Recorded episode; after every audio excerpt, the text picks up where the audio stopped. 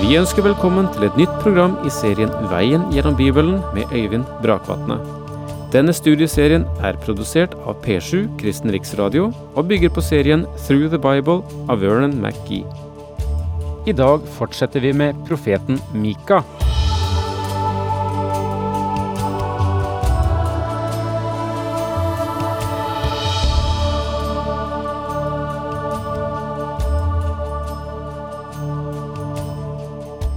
Velkommen tilbake til denne fantastiske profet.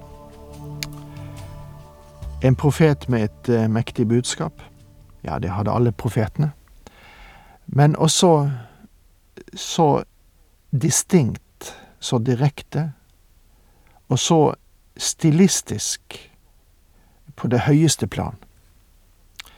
Han må ha vært en fantastisk predikant og eh, han må ha hatt en særlig dragning på dem som tilhørte eh, kanskje ledersjiktet i eh, både Israel som Nordrike og Juda i Sydriket. For det er i særlig grad ledersjiktet Mika konsentrerer seg om. Og ledersjiktet spesielt i de store bysentrene, nemlig Jerusalem og Samaria. Og hans budskap går rett inn i den maktkamp og den maktsituasjonen og eh, den konflikten som rådet i forholdet mellom storbysamfunnet og de øvrige distriktene. Eh, og ved siden av det, eller fremfor det, så er han en profet i forholdet til å gi beskjed om hva Gud vil. Han eh, legger ikke fingrene imellom. Han er ikke redd for sin egen person, selv om han på mange punkter kunne være i dødsfare for de uttalelsene han kom med. Frimodig står han frem, og nå, på Guds vegne, med fortvilelse. For hva har Gud gjort som skulle ha ført til at folket vender ham ryggen og er på marsj mot sin egen konflikt og sitt eget fangenskap og nye store smerter? Vel, det er situasjonen vi nå går inn i, og jeg sa sist at avsnittet kapittel seks hos Mika, versene seks til åtte, er et meget viktig avsnitt. Det er blitt misbrukt på mange vis, kanskje mer enn mange andre utfordrende uttalelser i Skriften, men det er et vidunderlig avsnitt. Men nå må vi passe på at vi tolker det innenfor den sammenheng som Mika taler om her. Og spesielt fordi dette angår Det gamle testamentet som helhet. Jeg er sikker på at ethvert menneske som tror på en Gud, ønsker å stille spørsmålet hvordan skal jeg nærme meg ham? Om du da ikke er en ateist, vil det spørsmålet ganske sikkert krysse din tanke. De hedenske nasjoner i fortiden og moderne hedninger har stilt det spørsmålet, og de har besvart det. Det hedenske synspunkt kommer først og fremst til uttrykket deres avguder, deres idoler, og de kan være skremmende. Deres synspunkter røpes også i det faktum at når vanskelighetene kommer, så tror de at han er sint, og at de må gjøre noe for å blidgjøre Gud. I dag er det til og med et synspunkt blant moderne, særs velutdannede hedninger i den siviliserte verden. Israel stiller her et spørsmål, og det er et legitimt spørsmål, et spørsmål som et hvilket som helst gjennomsnittsmenneske vil stille. Og nå altså går vi inn i vers seks, i kapittel seks hos Mika. Hva skal jeg ha med meg når jeg trer fram for Herren? Og bøyer meg for Gud i det høye. Skal jeg komme til ham med brennoffer, bære fram årsgamle kalver? Folkets første spørsmål er, hva skal jeg ha med når jeg kommer frem for Herren og bøyer meg for den høyeste Gud? Med andre ord, hva er galt med Gud? Hvorfor er han misfornøyd med oss? Vi går gjennom en hel del religiøse ytringsformer. Vi holder fast på visse former og tradisjoner, og det er jo former som han selv ba oss om å ta vare på. Men Gud har også gitt dem en relasjon, et fellesskap med seg selv, som de har mistet. Og det er en spenning mellom tradisjonen og fellesskapet. Og igjen så kommer spørsmålet hva skal jeg ha med når jeg trer fram for Herren, hva kan jeg bringe Gud, hva kan jeg gi ham? Han er langt der oppe, og jeg er langt her nede. Hvordan skal jeg nå ham? Hvordan skal jeg kunne kommunisere med ham? Hvordan skal jeg få kontakt med ham? Hvordan skal jeg kunne behage ham? Og hvordan kan jeg bli frelst?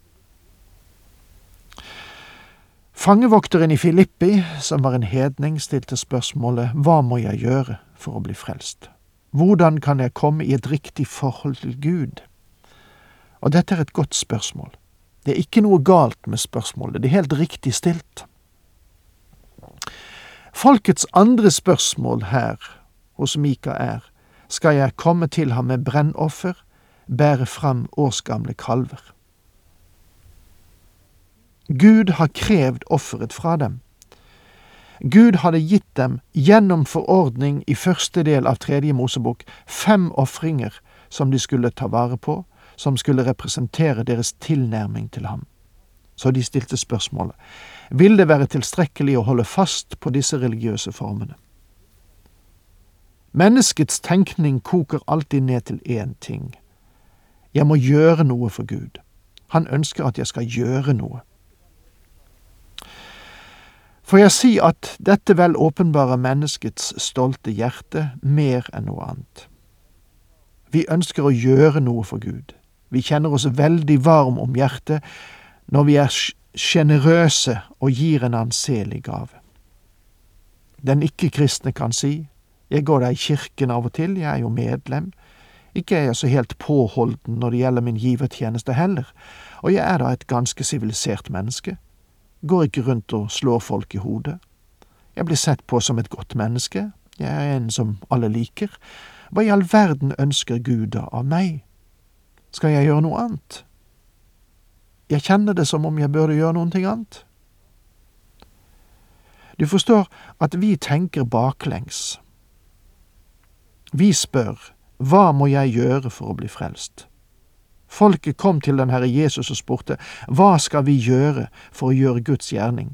Og den Herre Jesus sa, som det står i Johannes 6, vers 28 og 29, Dette er Guds gjerning, at dere skal tro på Ham Han har sendt. Han sier, Tro på den Herre Jesus Kristus, så skal du bli frelst. Det er den eneste gjerning Gud ber oss om å gjøre. Tro.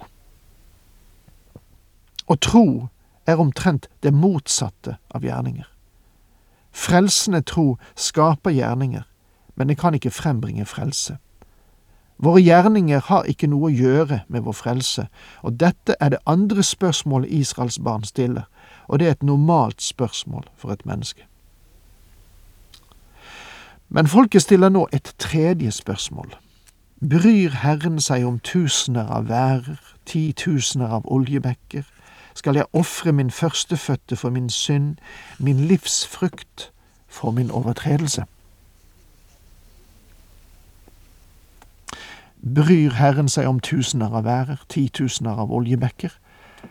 Ja, det er da virkelig å være gavmild. Med andre ord spør de, skyldes det at vi ikke har gjort nok for Gud? Burde vi gjort mer for Gud for å forsøke å behage Ham? Er det, er det et kvantumsspørsmål? Og det samme spørsmålet stilles også i dag.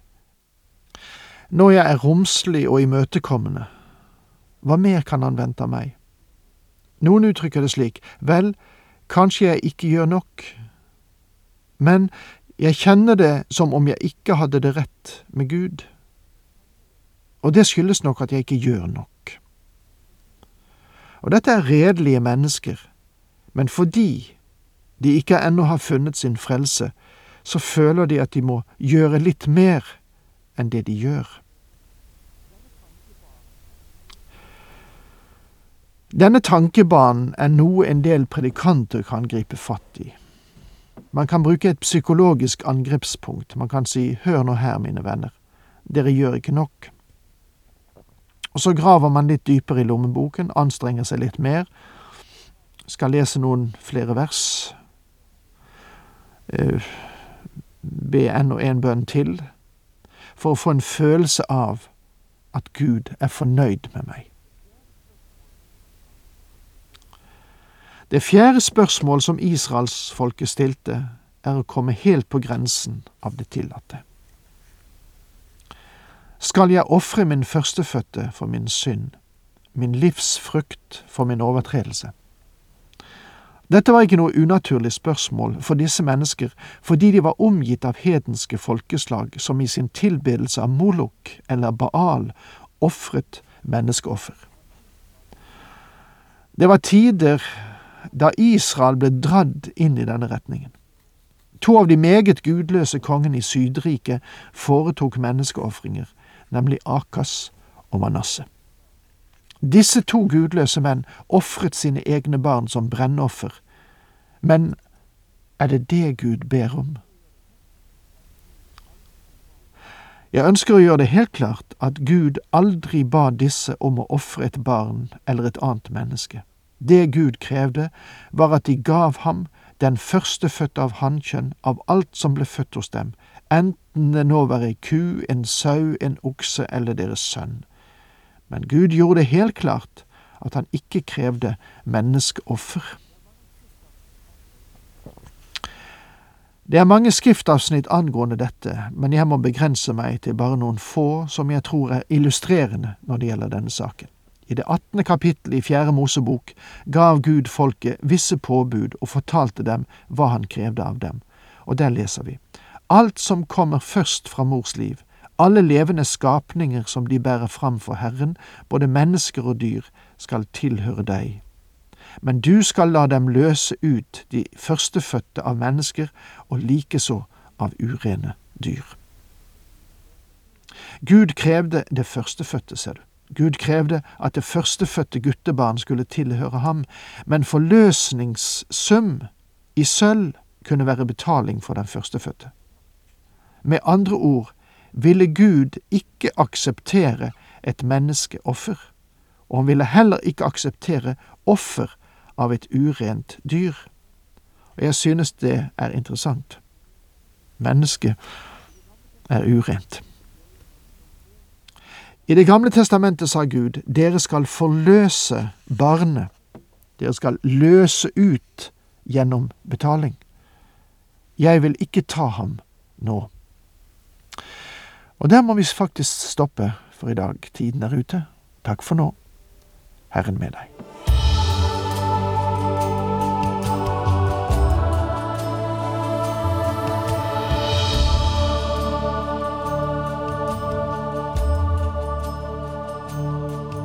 Du hørte Øyvind Brakvatne i studieserien Veien gjennom Bibelen. Serien bygger på et manus av Vern McGee. Har du spørsmål eller kommentarer til programmet, kan du sende en e-post til vgb krøllalfa p7.no. Takk for i dag, og på gjenhør.